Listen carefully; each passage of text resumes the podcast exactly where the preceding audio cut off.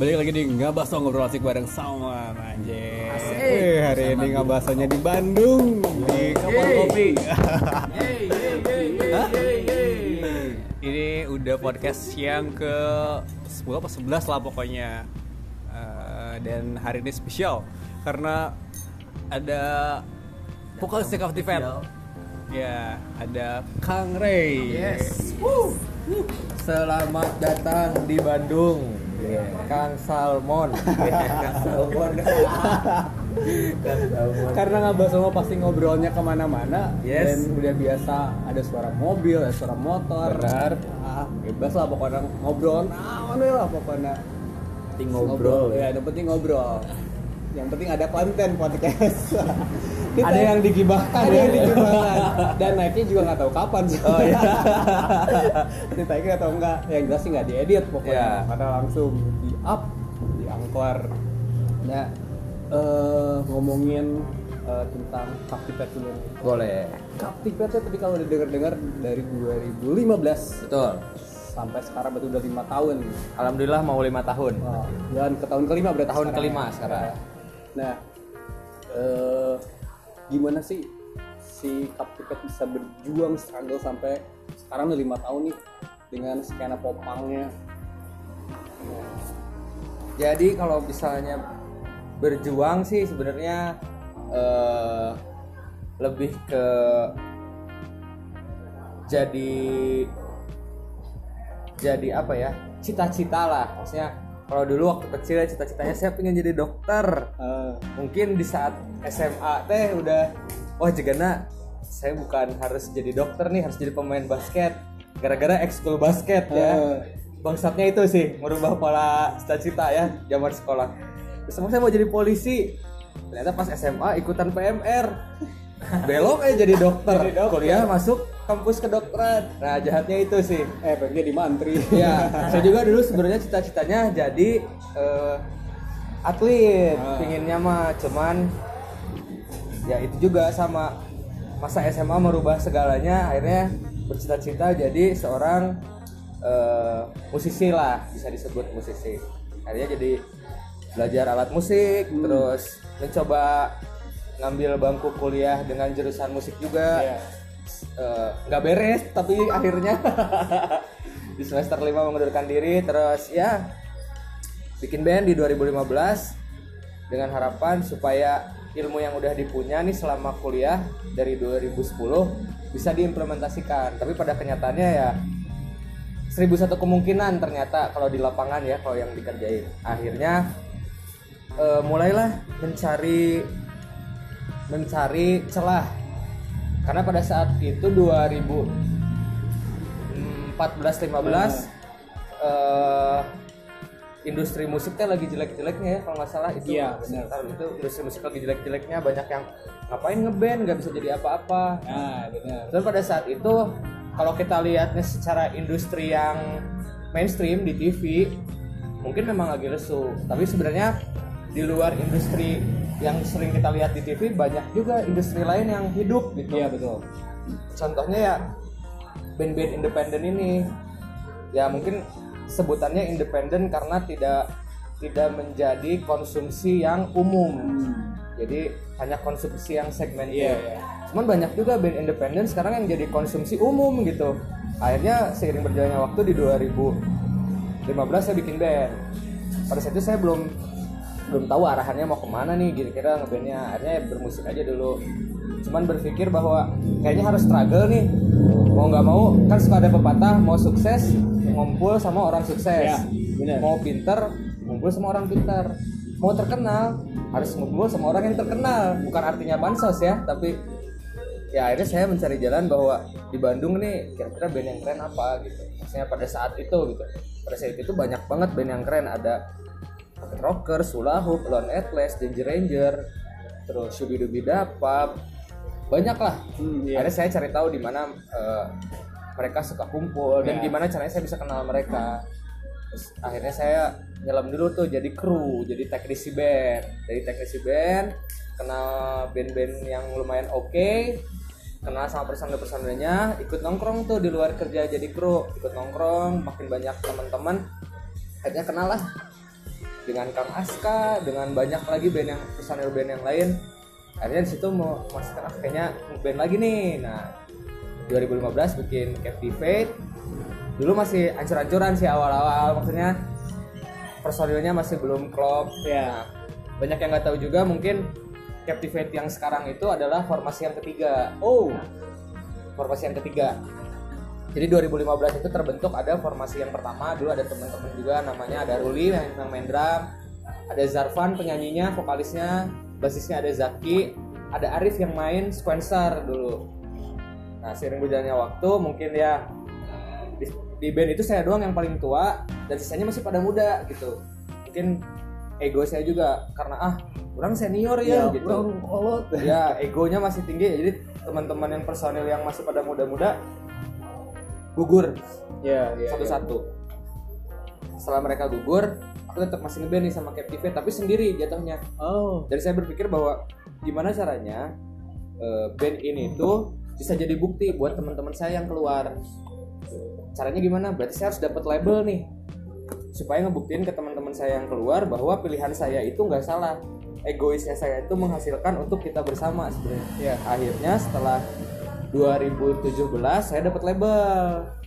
Label record label yang uh, melabeli juga band indie itu Glory of Love. 2017 saya dapat uh, record label baru. Bikinlah satu single. Satu single dulu ngetes. Tapi saya nggak punya personil gitu nggak punya personil dan bingung. Akhirnya saya cari personil lagi lah. Dapat nih Iya. Captivate angkatan kedua bisa Iya, disebut ya. iya. dulu ada vokalisnya namanya Rian. Drummernya namanya eh, Arya basisnya namanya Ari gitaris yang satu lagi namanya Day bikin satu single terus alhamdulillah single ini rame nih di Iya, iya. platform digital seperti YouTube dan lain-lain ya ukuran band baru pada saat itu satu bulan sampai 50 enggak 50 sih 40 ribu views tuh Oke, oke, oke. Ya, ya, ya. ya sebuah hal yang wow gitu pada saat itu ya Iya, pada zaman 2017 kan belum ya belum 2017 terlalu- 2018 Oh. tuh wah bisa gini kok Iya, kita iya. gitu ternyata oh mungkin ada impact juga karena record label nih Hmm. dan ada band yang satu label juga ada Glory of Love Iya. jadi penasaran lihat Glory of Love jadi lihat band kita juga gitu berjalan sama nih di, di perjalanan aku kan tipikalnya agak egois ya orangnya maksudnya tapi egoisnya tuh enggak yang egois tapi enggak dipertanggungjawabkan Ah. gitu egoisnya tapi aku egois tapi aku bertanggung jawab dengan hasil dengan keputusan akhirnya gitu. Dan itu pun hasilnya untuk bersama. Sama di angkatan kedua gugur satu-satu. Gugur satu-satu dari gitaris dulu. Eh enggak pertama keluar itu basis dulu. Basisnya keluar gitarisnya keluar vokalis menghilang entah ke mana itu. Dan oh ada cerita unik. Jadi gini sorry kebalik. Yang pertama hilang itu si vokalis. Oh, jadi waktu kita ngeluarin single satu itu tiba-tiba kita dapat panggung. Oke. di acara sebuah brand mobil. Ya depannya S lah. Iya. belakangnya I. Eh, Suzuki. si, ya si ya. Juki. Agak- agak jelas. nanti kalau masuk brand bayar ya podcastnya ini eh, podcastnya nggak bahas harus bayar tuh brand asik. Kan nggak tahu ya ke depannya tiba-tiba Iya, viral nih podcastnya ngobrolin yang kayak gini. Nah. Yang ingin ngobam nanti. ya harus harus harus. Jadi dapatlah panggung pertama tuh. Lumayan besar acara festival gede. Di mall yang besar pula. Iya, di iya. Bandung ada mall Click Square dulu namanya. Itu sound sistemnya parah sih lightingnya lighting full panggung panggungnya rigging paten sound 20 ribu watt Wow. LCD satu panggung belakang layarnya penuh Edan. itu keren banget lah acara Edan. si si Juki ini ya acara Iya. mobil si Juki ini manggung Eh, 15 menit 15 menit sebelum manggung semua personil udah datang kecuali vokalis Anjir. kita deg-degan ini vokalis ke mana nggak bisa di chat di DM Instagram nggak bisa di telepon nggak diangkat ke mana ini orang Eh.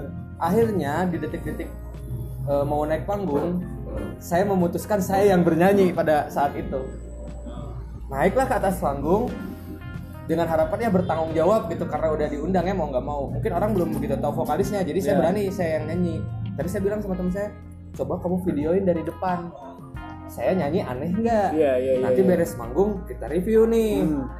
Jadi bisa ada opsi kalau misalnya vokalis kita nih tiba-tiba ngilang lagi jadi saya bisa nyanyi di videoin lah. Terus main sekian lagu beres nih manggung. Tepuk tangan dia pas aku lihat di videonya coba lihat video yang tadi aku lihat. Semua lagu saya nyanyi fals parah sih. Itu malu parah. Dan pada saat itu bayaran yang dikasih dari si Juki nggak kita ambil. Karena kita ngerasa kita nggak bener juga Oke, nih. iya, maksudnya iya. mengecewakan lah Iya. vokalisnya nggak datang dan akhirnya dari titik situ si vokalis itu kita stop. Hmm. tapi beberapa teman yang lain melihat bahwa kayaknya kamu ada peluang nih nyanyi. Sebenarnya kamu bisa nyanyi cuman kurang pede aja. Hmm. tapi saya yang lihat video saya ngerasa saya nyanyi fals gitu. Karena saya waktu rekaman suka ngomong sama vokalisnya kamu nyanyi nggak bener. Kamu nggak gini. Gitu. Saya kadang suka eh nyanyinya nggak gitu. Iya, iya. nyanyinya gini gitu. Tapi teman-teman yang lain ada bilang kayaknya kamu ada peluang nih bisa bisa bernyanyi tapi tidak mahir bernyanyi tapi bisa. Oke. akhirnya ya kayak ya udahlah karena nggak susah juga nyari vokalis akhirnya di proses eh, rekaman saya jadi vokalis. Nah vokalis ini menghilang dulu nih si vokalis yang angkatan kedua nih ngilang. Di perjalanan bikin mini album jadi cekcok juga karena tidak menerima keegoisan saya juga Oke, iya. sama jadi mungkin ada bentrok akhirnya pelan-pelan si basis cabut duluan. Gitarisnya mundur. Sisa drummer sama saya. Nah drummer sama saya jalan dulu nih sekitar tiga lagu. Kalau nggak salah kita udah take tiga lagu udah di record tiga lagu jalan. Dan itu posisinya yang ngetek gitar saya ngetek bass saya yang bikin eh, looping saya bikin aransemen saya. Drummer juga cuman ngetek drum doang Hmm. gitu berdua gitu. Eh akhirnya si drummer pun merasa kayaknya sih si drummer juga udah mulai hopeless lah bisa disebut hopeless. Ya udah saya mau kuliah aja lah. Kayaknya udah nggak akan bener. Akhirnya cabut juga nih si pemain Hmm. drum tinggal saya sendiri. Sama pola pikirnya sama yang kayak awal. Jadi gimana caranya? Saya ditinggalin vokalis itu saya ngebuktiin ke vokalis yang pada keluar bahwa ini tuh jalan yang benar yang dipilih. Oke, ya. jadi saya berpikir bahwa aku harus buktiin nih sama personel yang keluar bahwa pilihan saya itu benar. Akhirnya saya beresin lah mini album ini. Beresin mini Sendirian. album sendiri. Diberesin mini album sendiri. Akhirnya saya juga yang ngetek vokal. Beres lah mini album ini. Rilis lah digital cuman saya belum solo gitu. Apa? Ngeband masih ngeband. Akhirnya awalnya masih ngajak dulu teman-teman ya udahlah eh, cari teman-teman dulu ya gitu. akhirnya saya ketemu lah drummer yang sekarang. Terus teman kampus saya saya tawarin mau nggak jadi main eh, main drum? Dia mau. Tapi cerita juga aneh. Jadi saya ngajakin si drummer ini tuh saya jebak sebenarnya. Jadi awalnya karena waktu itu saya di record label itu bantuin studio juga akhirnya saya di grup grup lain kampus grup lain ya waktu itu grup Iya, lain kampus. aku bilang ada yang mau cover drum gratis nggak? Nah drummer saya ini kalau gratis terdepan. Cuman dia sendiri yang muncul cus ayo saya mau. Akhirnya saya chat langsung oke datang ke sini ke studio. Tiga hari kemudian datang ke studio di studio coba mau main lagu apa? Main dulu saya dia rekam take cover cuman sampai sekarang videonya nggak diposting. Video covernya sampai detik ini nggak diposting dan nggak di share gitu. Karena setelah dia cover saya langsung ngobrol. "Eh, aku lagi nyari drummer. Kira-kira mau nggak ngeband sama saya. Terus dia cerita oh ya band saya juga lagi eh, vakum dulu karena satu dan lain hal. Saya dengerin lah mini album. Iya. yang udah beres itu karena mungkin dia ada ketertarikan gabung lah satu nih drummer dapat ya. Drummer sama gitar sama saya. Saya sambil nyanyi juga. Masih kurang nih gitaris sama basis. Hmm. gimana ya? Oh akhirnya saya ada temen juga. Gitarisnya ini dulu dia salah satu gitaris band hardcore juga lumayan terkenal lah di Bandung. Ada namanya Sam Street. Nah saya ajak lah gitarisnya ini gitaris Sam Street ini. Terus dia sebelum abis dari Sam Street dia punya band juga namanya Class of the Moon. Band popang juga band popang modern gitu nah kemudian band Class of the Moon juga sama lagi vakum juga. Akhirnya aku ajak lah daripada kamu eh, lagi nggak ngeband ya mau nggak ngeband sama aku? Aku Iya. dengerin juga lagunya ternyata dia suka. Oh aku suka nih lagu-lagu yang gini katanya. Diajak lah. Bertiga nah bertiga udah dapet gitar aku gitar vokal drummer. Nah, dapet dulu pemain bass dulu teman juga teman sama namanya Faisa. Tadi yang drummer namanya Ikin yang baru terus gitaris namanya Taufik nah dapat juga nih basis namanya Faisa waktu itu. Nah si Faisa ini teman aku nge-crew dulu. Hmm, ya. di salah satu band indie Bandung juga. Aku nge-crew gitar dia nge-crew bass. Bajak mau ngeband gak sama aku nih? Ayolah ngeband. Kemudian dia juga suka sama materi lagunya ngeband jalan dulu. Nah sering berjalannya waktu kayaknya si basisku ini si Faisa ini dia masih bimbang antara memilih jalur untuk fokus bermusik atau dia Kru. eh, harus realistis.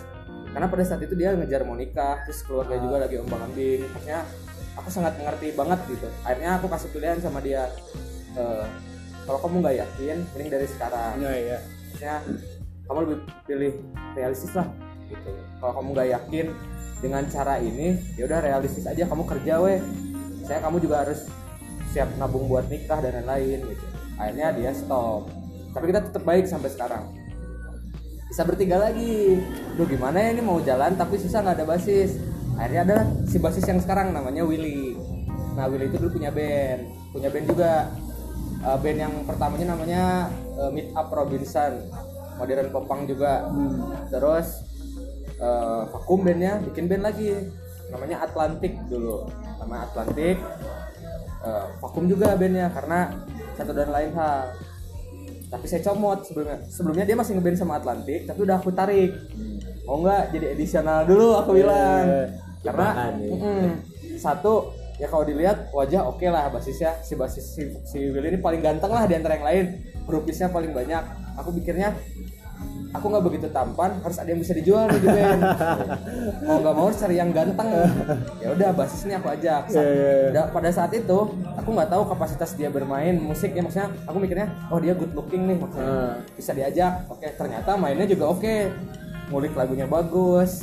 Mainnya juga nggak yang aneh-aneh tapi enak gitu. Jalan dulu jadi edisional lama kelamaan jadi personil band yang sebelumnya bu- bubar gara-gara saya ngajak dia ke band saya gitu.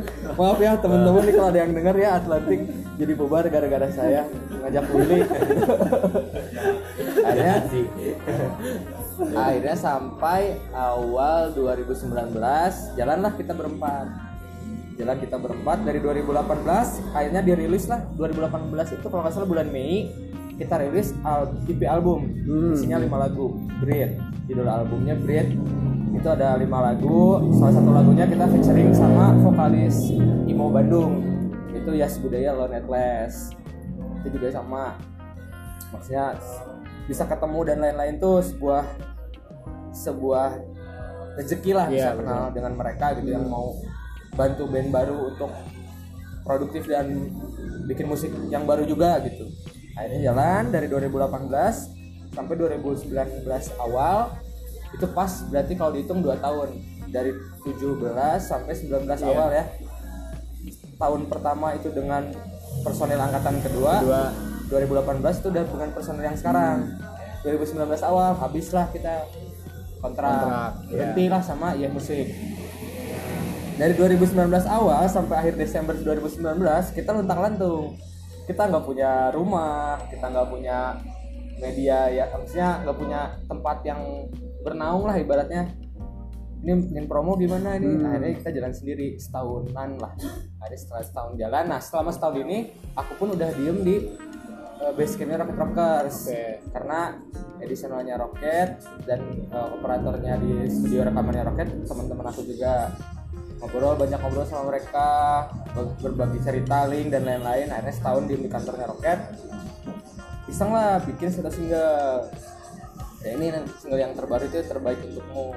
Akhirnya di awal 2019 masih dengan personel yang bertahan gitu. Karena personel yang ini tuh mungkin umurnya nggak beda jauh sama aku. Terus mereka mengerti Ya. aku gitu. Aku egois tuh eh, ada hal lain tapi mereka kalau aku salah mereka negur. Dan aku juga menyadari kalau memang benar itu salah. Karena eh, yang sekarang tuh kayak lebih lebih deep lah. Jadi nggak misalnya si basis ada kesal tuh nggak nggak ngomongin di belakang Iya, langsung iya, ngomong iya. ke personilnya. Ya, nah iya benar. itu berlaku juga sama teman-teman yang lain. Akhirnya ya udah berjalan 2019 akhirnya kita bareng sama Rich and Rich Record Ya, itu yang di di dibangun sama Rocket Rockers record labelnya Oke. Nah kalau tadi mundur, kenapa sih eh, milih genre popang di di apa ya di tahun-tahun sekarang yang memang lagi rame-ramenya di kopi senja Ya. kopi senja gitu ya lah. kopi senja kopi senja kembung aja ya Kembung. Iya, iya. Corona. ya. corona. Nah, kenapa masih bertahan di skena itu tuh? sebenarnya awal ngebentuk memang ingin popang itu karena pada saat ngebentuk band awal itu skenanya masih lumayan oke lah ya Iya, iya. pada saat itu cuman seiring berjalannya waktu dapat personel yang sekarang pun eh, kita udah open mind sih sebenarnya Nah, dan saya pun basicnya juga bukan band bukan gitaris atau musisi yang seneng lagu-lagu keras aku hidupnya di angkatan-angkatan ya Peter Pan, Ya. Raja, Ungu, Republik, Jauh Daun, kangen band, kangen band. Karena dulu kesuntiknya sama TV, maksudnya besarnya di lagu-lagu pop. ya. Cuman kenal skena independen itu ya baru-baru ini 2014-an ke sinilah gitu. Hmm. Cuman saya beruntungnya bisa langsung kenal sama band-band besarnya gitu, sangat yang yang sangat saya syukuri gitu. Mungkin orang lain yang dari dulu udah mengidolakan sampai sekarang belum bisa sedekat ini gitu. Tapi alhamdulillahnya saya yang memang benar-benar baru gitu bisa langsung kenal dan dekat gitu. Bisa kerja bareng bisa Yeah. diskusi bareng dan lain-lain. Bersyukurnya di situ sih. Cuman kalau untuk ke sekarangnya sih kita lebih lebih popangnya tuh nggak yang yang nggak popang ibaratnya popang yang keras banget gitu ya. Cuman kita lebih ke popang yang melek industri lah kalau bisa disebut. Jadi apa yang lagi happening kita serap aja gitu. Tapi tidak menghilangkan benang merah dari si karakter bandnya. Kalau karena yang temen- udah dibangun dari awal musiknya popang Nah, ya kita tetap bertahan di roots itu. Cuman kita ada ada apa disebutnya ya? Kemasan yang berbeda. kemasan yang berbeda gitu. Jadi memasukkan unsur musik apa Iya. yang lagi happening apa kita masukin nih di warna musik kita gitu kalau teman-teman popang Sukabumi sih bilangnya popang sekarang tuh lebih dewasa. ya Ya. popang mature lah ya Nah, iya. Iya. Jadi waktu pas waktu itu datangin band popang terus halus saya nama sekarang lebih dewasa oke udah siap mantap nah kalau ngomongin ngomongin industrinya di di Bandung ini juga mungkin bekal buat teman-teman di Sukabumi. Nah kalau eh, perkembangannya industri di Bandung itu kan katanya juga dulu juga kotak-kotak gitu. Ya. nah sekarang kan kabarnya juga sudah cair. Nah itu gimana sih bisa sampai cair gitu? Sebenarnya sih kalau di Bandung balik lagi ya basicnya kan tongkrongan ya iya. maksudnya. Punya keresahan yang sama punya obrolan yang sama kesedihan yang sama akhirnya di situlah muncul maksudnya eh, ide-ide yang pingin dilakukan tapi awalnya nggak bisa ketemu teman-teman yang punya keresahan yang sama akhirnya digabungin Iya. ya ya bisa disebut juga komunitas bisa disebut lah ya karena Ah. eh, tapi nggak yang komunitas A B C gitu memang awalnya juga ada beberapa komunitas yang genrenya ini doang komunitas yang genrenya ini doang iya, iya. tapi akhirnya di tiap-tiap komunitas ini tuh punya keresahan yang sama akhirnya ya kebenaran teman-teman nongkrong juga akhirnya ya udahlah eh, kita mah nongkrong sama siapa aja gitu. Ah. akhirnya ya ke sana ke sini nongkrongnya malah jadi lebih luas gitu. Nah, dari situ sih. Juga ada satu acara yang kalau menurut saya ya yang memang inisiasi awalnya itu eh yang bikin event all genre. Nama acaranya itu besok libur. Ini udah volume kedua acara besok libur itu. Itu yang inisiasinya tuh ada teman-teman dari Simple Space kopi magma di Braga. Itu ada Ares ada Ijai Irawan yang bikinnya ada Ray juga dari kopi magma waktu itu. Ada teman-teman dari motion visual ada Vega dan teman-temannya. Terus ada sound system juga dari Apuja ada waktu itu di supportnya yang volume 1 itu disupportnya sama Cherry Mas 9 kalau nggak salah. Yang volume 2 itu ada Apuja namanya. Dia salah satu MD di DC-DC radio. Oke. Gitu. Itu di inisiasi akhirnya bikin lah tanpa ada embel-embel sponsor. Oke. kita bener-bener bikin tanpa sponsor karena pengen organik tuh Ah. di volume pertama itu ada banyak ada rapper yang main termasuk ada Captive Band juga waktu di volume awal ada yang blues ada solois ada pop jazz ada folk ada 8 band apa 7 band gitu volume yang pertama. Di volume kedua terus kemar- kemarin itu ada juga volume 2 itu ada Mawang. Nah, dari Mawang ada band skedelik rock and roll gitulah namanya Cracked Egg. Terus ada lagi band post rock terus ada band ah banyak lah. Jadi si anak-anak ini tuh menginisiasi itu. Oke. terus sudah jalan dua volume. Terus bisa cek juga di Spotify misalnya yang volume pertama itu ada besok libur volume 1 dia ada playlistnya band-band yang main di volume pertama. Uh, terus yang kedua ada uh, besok libur volume 2 playlist di Spotify-nya. Itu band-band lagu isinya lagu-lagu band-band yang main di acara volume 2 nya Lo- lokalan semua. lokal semua itu Bandung semua alhamdulillah Wih, Nah dari situlah diinisiasi akhirnya ya udah jadi makin cair aja ke mana-mana nongkrong jadi udah mana genre non udah nggak gitu Ah, ya iya. udah kita di sini ngomongnya masalah musiknya musiknya aja industrinya gimana Iya. jalan keluarnya gimana ya diobrolin aja di Nah. situ Iya. Nah terus kalau ngomongin eh, senioritas nih senior, kadang kan eh, di apa ya di, di industri gitu ya, kadang senior juga jadi ah naon sih mana mah lebih keneh terus kurang urang we tak Oh, kieu. Nah, kadang-kadang kadang-kadang gitu ya, apalagi di ini kalau dari pandangan eh, Derus gitu ya, memang eh naon sih gitu. Aya, aya- ada aja gitu yang begitu. Nah kalau di Bandung senior-seniornya gimana tuh? nah sebenarnya kalau di Bandung itu ini yang saya rasain ya Hmm. karena waktu itu saya kenal senior senior tuh saya nggak tahu band mereka apa Iya, iya. awalnya gitu Ah. saya kenalnya personal dia karena dia aktif di uh, gigs aktif bikin micro gigs aktif bikin acara gitu setelah ke sini saya tahu oh mereka personil band ini ini ini ini oh ternyata band besar juga gitu nah yang saya tangkap sebenarnya kita kitanya aja yang segan menurut saya Iya. mereka tuh sebenarnya sangat welcome Hmm. Maksudnya mereka sangat welcome mau ngobrolin tentang apa pun gitu cuman mungkin si teman-teman yang masih awal-awal ini segan gak tahu mau ngebahas apa mungkin dia belum tahu mau cerita apa gitu. Jadi segan aja gitu ketemunya. Itu sih sebenarnya yang kayak jadi sekat gitu.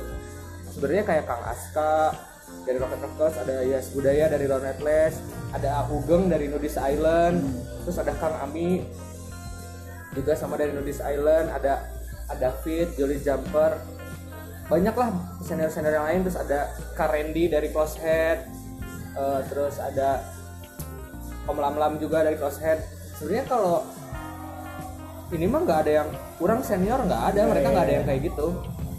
Maksudnya mereka ya welcome gitu menceritakan apa yang mereka alami dulu. Siapa tahu bisa jadi uh, referensi buat Yeah. band-band baru juga ceritain skenanya dulu gimana industrinya seperti itu mereka sangat welcome. Nggak sampai ngedikte gitu. nggak sampai ngedikte gitu. Maksudnya memang bener-bener baik dan mereka pun menyadari gitu bahwa pergeseran zaman itu beda treatmentnya gitu. Zamannya mereka sama zamannya yang sekarang bisa disebut lah milenial dan gen X lah ya bisa Iya, disebutnya iya. mereka pun menyadari gitu treatmentnya berbeda.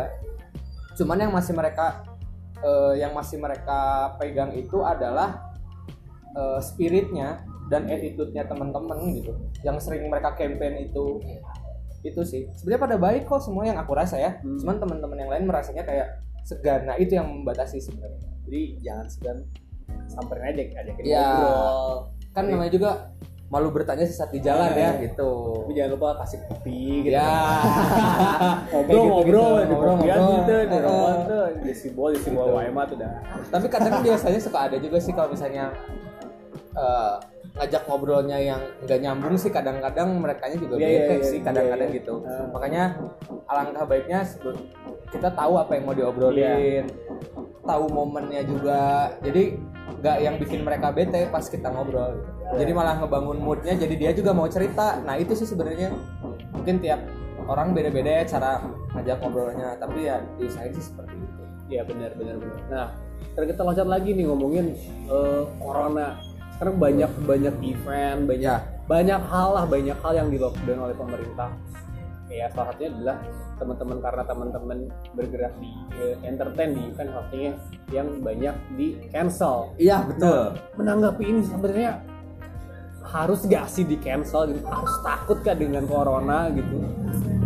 Sebenarnya kalau dengan virus mungkin ini salah satu antisipasi aja sih ya. Iya. Maksudnya beberapa corporate besar itu kan eh, bisa terpandang bahwa mereka adalah brand-brand yang sangat selektif bisa disebut. Jadi bukan acara yang ah yang penting jalan. Bukan gitu. mungkin mereka juga meng- ikut mengantisipasi sih lebih ke situ. Karena pada sebelumnya juga mereka juga support support aja sih ke beberapa gitu. Cuman karena mungkin ini bencananya seluruh dunia dan ketakutannya sudah sangat besar gitu isu-isu yang dibikin sampai orang parno dan lain-lain. Sebenarnya kan basicnya ya tinggal kita aja jaga kesehatan sebenarnya. Kan kalau bisa dibilang dari beberapa artikel juga kayak corona itu masih di bawahnya SARS dan MERS. Malah yang lebih parah itu ya TBC gitu yang iya. lebih parah. Corona mah jauh banget di bawahnya gitu. Cuman ya karena isu yang dibikin wah segala macam orang jadi takut. Iya, benar. flu sedikit wah corona. Padahal cuman flu minum obat flu juga beres gitu. Iya. tapi wah ini corona demam gitu. Jadi orang makin takut. Sekarang lihat orang bersin aja jadi parno gitu. Mau salaman jadi takut. Kesannya jadi jijik kan sama orang gitu. Bener nggak? Kerasa nggak? Lagi nikahan tadi. Harus pakai hand sanitizer. kesannya tuh kayak duh orang tuh bervirus. Jadi kan kalau saya sih sebenarnya lebih ke ya udah gitu maksudnya kita jaga kesehatan kita aja pola makannya yang benar rajin minum air putih minum vitamin. Nggak usah terlalu capek dan lain-lain itu juga udah udah menangkal sebenarnya gitu. karena kan virusnya juga sebenarnya bisa hidupnya cuma tiga jam kan maksudnya virus yang bisa hidupnya itu tiga jam kalau nggak salah. Terus juga kalau kena udara panas juga mati gitu. Ya Ini balik lagi ke kita ke kitanya ya jaga kesehatan betul. pola hidupnya gimana. Betul. Hanya lamun gadang wae terus dari obam tiap harinya ya mungkin sehat sih. sehat sih. Dari rokok sehat Iya. sih. Ya, balik lagi kalau nggak ditambahin dengan olahraga gaya hidup yang sehat mah ya. ya. Tapi sebenarnya ada sih satu, aku sempat baca juga di Twitter. Mungkin kita eh, nggak usah jadi ada gap-gapan antara yang antara yang perokok atau yang Iya, vape iya. atau apa pun ya. Sebenarnya tapi kalau saya lihat ya, orang tuh sangat takut dengan kena corona, takut mati dan lain-lain. Tapi kalau dibungkus rokok sama di belakang botol liquid juga liquid vape kan ada tulisannya Iya. mengandung nikotin. Itu juga bisa menyebabkan kematian gitu. Tapi kenapa kita memilih gitu untuk untuk mati teh kita nggak mau mati karena corona gitu. Serius ya? Iya, benar. Karena dibungkus rokok ada tulisannya. Di belakang botol liquid juga liquid vape juga ada tulisannya mengandung nikotin juga, berbahaya juga sama. Tapi kita memilih gitu. Kita lebih baik mati karena jantung, kanker dibandingkan kena corona. Bener nggak? Iya, Yang iya. kena flu. Tapi orang-orang jadi takut banget sama corona. Tapi yang setiap hari kita konsumsi yang bikin kita mati perlahan teh orang nggak takut gitu bener nggak nah harusnya kita pola pikirnya balik ke sana kan sama rokok aja kita nggak takut apalagi sama corona yang cuman rendah banget gitu sakitnya flu gitu. Sama gangguan pernafasan gitu. Ini yang bikin kanker dan jantung setiap hari kita supply setiap Iya. hari gitu. Gak ada itu sih yang di post di berita gara-gara rokok meninggal gitu Iya. berapa orang gitu kan. Coba kalau yang diberitanya tiap hari kayak gitu, pasti Indonesia bangkrut. Nggak bisa bayar hutang. Ya, saya juga tidak bekerja. Iya. Makanya yang diberitakannya kan penyakit jadinya. Sebenarnya nggak parah-parah amat. Tapi mungkin juga kalau saya jahat sih ya, ini mah kayak pengalihan isu lah ya kalau mau dilempar ke politik mah gitu Iya. sebenarnya. Lagi ada kasus ini korupsi, naikin aja nih penyakit corona biar orang nggak tahu beritanya. Iya. Ah, seuzonnya mah gitu Seuzon, ya. sebenarnya. Tapi kan nggak tahu gitu. ya kembali kan tempat-tempat pengalihan itu kayak ada ada kerajaan-kerajaan Iya, katanya. Tapi nggak tahu di belakang itu settingan apa enggak gitu kan nggak tahu kita. di setting sama. Ya udahlah. Iya. Kayaknya sih ah udahlah. Ya udahlah ya. ya udahlah ya. Biarin lah. Gitu ya. sih sebenarnya. Ya stay safe aja, jaga kesehatan. Masalah virus malah nggak usah takut-takut amat sih gitu. Pakai apes lah. Iya. itu aja. Nah, nah terus ini terakhir nih kita ngomongin kapal kopi. Oke. Di kapal kopi itu nih, ada apa aja, ada aktiviti apa aja, ada eh, yang regulernya ngapain aja sih di kapal kopi itu? Jadi sebenarnya kapal kopi ini salah yang salah satu ownernya itu Kang Aska Rocket Rockers juga bersama sobatnya ada namanya Mang Kijul. Ya, jadi mereka menginisiasi bikin sebuah kedai kopi supaya tempat kedai kopi ini tuh bisa jadi eh, jembatan antara teman-teman yang suka musik juga sebenarnya Hmm. untuk bisa ketemu dan ngobrol-ngobrol sama Kang Aska dan teman-teman Kang Aska yang lain. Ya. Jadilah kapal kopi ini dibentuk dengan dengan nuansa yang tidak terlalu bonafit tidak warkop banget juga enggak Iya. di tengah-tengah lah maksudnya semua orang bisa ke sini dengan ngobrol yang enak ngopinya juga enak masih santai banget dibikinlah ini kapal kopi nah kalau ide lanjutan dari apa nih yang bisa dikembangkan dari kapal kopi itu? Nah idenya Kang Aska itu bikin kapal musik corner. Jadi isinya itu kayak teman-teman yang punya lagu baru diperformin di sini lagunya didengerin sama teman-teman komunitas yang lain. Kalau punya video klip di play juga. Baru kita bercerita tentang singlenya seperti apa di-sharingkan sama teman-teman lain siapa tahu teman-teman yang mau bikin rekaman lagu atau mau bikin video klip jadi ada referensi dari teman-teman yang sudah menjalankan ini duluan Iya. gitu. Dengan eh, ada moderatornya juga ada yang tim kuratornya juga ada. Pokoknya eh, lebih ke sharing dan berbagi sih. Ada juga ngedatengin art worker terus sutradara video klip operator musik arranger musik pencipta lagu. Ah banyak lah nah salah satunya itu ya platformnya si kapal musik corner biasanya kita kumpul tuh setiap hari Kamis Hmm. tapi kondisional gitu bisa dua minggu sekali bisa Oke. seminggu sekali gitu nah, Berarti itu, tuh nih itu buat buat siapa aja yang mau siapa pun Ah. nggak nggak harus genrenya popang kayak Oke. rocket rocker sih Iya, iya. kalian mau folk rock and roll blues psychedelic post rock apa pun mau etnik pun nggak apa-apa Oke. etnik pun nggak apa-apa maksudnya nggak terlepas genre apa pun kalian sih karena kalau sistem sistem secara industrinya pun memaintainnya sama karena genre band mah itu produknya Ya, kan betul. cuman yang hampir sama kan sistem industrinya maksudnya sistem sistem manajerialnya lah ya kurang lebih sama gitu. Gimana cara ngebawa produk ini bisa dikenal banyak orang. Betul, betul. kayak ngebedain cuman segmen genre musik sama karakter si bandnya dan lain-lain. Kalau ada kalau ada orang-orang yang di luar Bandung ataupun mungkin yang orang Bandung yang mungkin dengerin ngabaso, mungkin sih. Orang Sukabumi juga mungkin dengerin ngabaso. pasti mungkin. nanti ngedengerin. Harus harus wajib. Nah, kalau teman-teman musisi atau anak-anak band nih dari dari dari yang dengerin ngabaso nih, kalau pengen tahu ada kegiatan di kapal kopi itu bisa lihat di mana?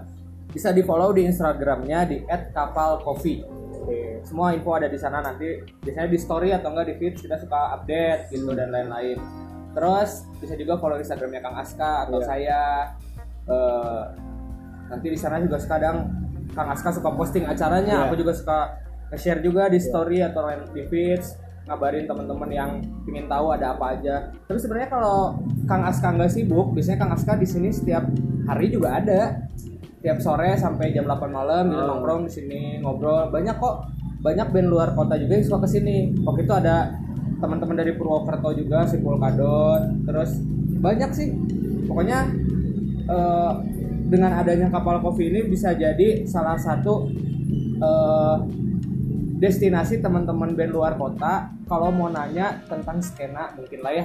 Mau nanya tentang di Bandung teh kumaha sih ngebena gitu. Iya. di Bandung teh acaranya gimana? Nah siapa tahu dengan adanya kapal kopi yang diinisiasi oleh Kang Aska teh teman-teman band luar kota ke Bandung bisa tahu ke sini datangnya gitu pertama yang dituju teh. Ah ke Bandung ke mana ya? Ah ke kapal kopi dulu deh. Supaya aku bisa nanya-nanya yang lain gitu. Itu Oke, nah terus kalau misalnya ada anak-anak ngabaso atau pendengar ngabaso yang mau tahu eh, kegiatannya dari Kang Ray, Kang Sita, teman-teman Kapiva itu di mana nyarinya? boleh Mudah-mudahan dia Kalian- denger sampai akhir. ya pastilah harus dengar lah ya karena eh, banyak gosip-gosip keren. jadi kalau mau tahu tentang saya pribadi bisa di follow di Instagram di @capti.ray c a p t i titik r a y kalau untuk band saya sendiri bisa di captivate underscore id di Instagram c a p t i v a t e underscore id Oke. jadi bisa dikepoin aja di Instagram semua lengkap. Mau lihat video klip, Spotify, linknya ada.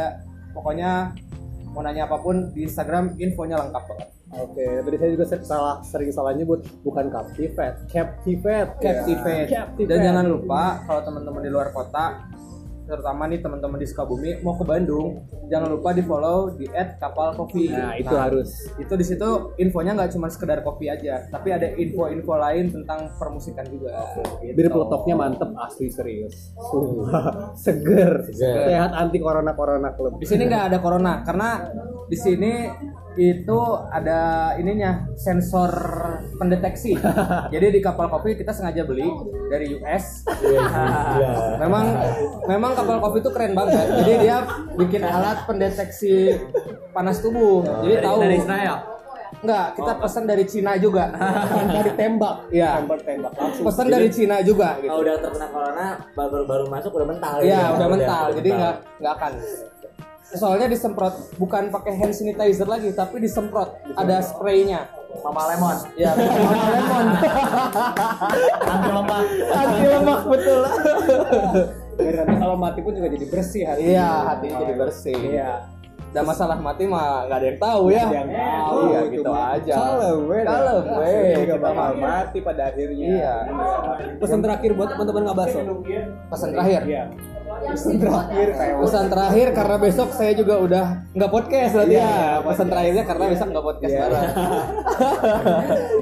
Pesannya apa ya? Eh, karena saya sama pemain band juga. Jadi buat temen-temen yang dengerin podcast Ngabaso, intinya sih ngeband itu harus eh, produktif dan bertanggung jawab. Kenapa? Karena di saat band kita nggak produktif, kita tuh jadi kayak nggak ada progres jadi Iya. jadi ya udahlah sejalannya jadi nggak ada tujuan betul. dan apa ya harus jelas aja sih kalian mau ngapain gitu di sini itu apa sekedar hobi kah atau Hmm. apa cuman kan tiap orang punya pilihan masing-masing intinya sih kalau mau fokus main band ya produktif dan konsisten produktif dan konsisten.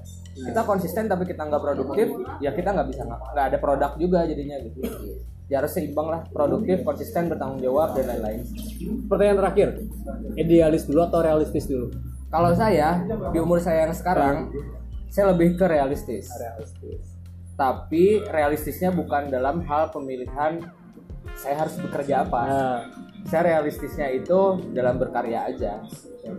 Bukan dalam artian saya harus ah saya nggak laku nih main musik. Kerja di di bank misalnya gitu. Enggak kalau pilihan mah tetap kerja di musik. Cuman realistis itu bisa banyak pilihannya. Entahkah saya bikin lagu untuk orang lain Oke. ataukah saya buka usaha musik dan lain-lain gitu. Karena nggak usah terlalu sempit lah pemikiran tentang musik. karena bidang musik tuh banyak gitu. Kalian bisa jadi apa aja gitu. nggak harus jadi pemain bandnya. Gitu. hmm, itu sih. Oke, terima kasih sudah mau diajak ngobrol sama Wah, saya terima kasih karena Salmon. ini akang-akangnya sudah nyusul ke Bandung. Langsung ke kapal kopi. Mantap, pokoknya kalau ke Iya. Bandung jangan lupa ke kapal kopi, at kapal kopi ya. at kapal kopi. Iya, jadi pokoknya. ini podcast mahal soalnya. Nggak ada yang punya podcast nyusulin artisnya gitu cuman ngabaso doang dan teman-teman nyusulin ke Bandung mahal ini kalau kalian nggak denger nyesel lah podcast mahal tapi di record ke handphone doang. Coba ke alat handphone. Nah, nah, pokoknya terima kasih buat Siap. Kamre dari Captive. ya sama-sama terima kasih juga terima kasih buat teman-teman Sukabumi juga sukses selalu Salam juga buat Kang Asta, buat Siap. kapal kopi yang sukses. Mudah-mudahan nanti kita main lagi ke sini bawa mochi. Siap, amin. Roti mochi ya, Iya. yang lagi hits itu. Wah. Iya. Karena di sini banyak juga yang ike ike ike mochi. Ani-ani juga banyak Iya. ya. Oke, oke, oke. Nanti jadi makin menjauh Iya. ke yang aneh-aneh lah pokoknya. Udahlah. Ya pokoknya selamat mendengarkan Ngabaso episode yang ke-11. Bye bye. Terima kasih.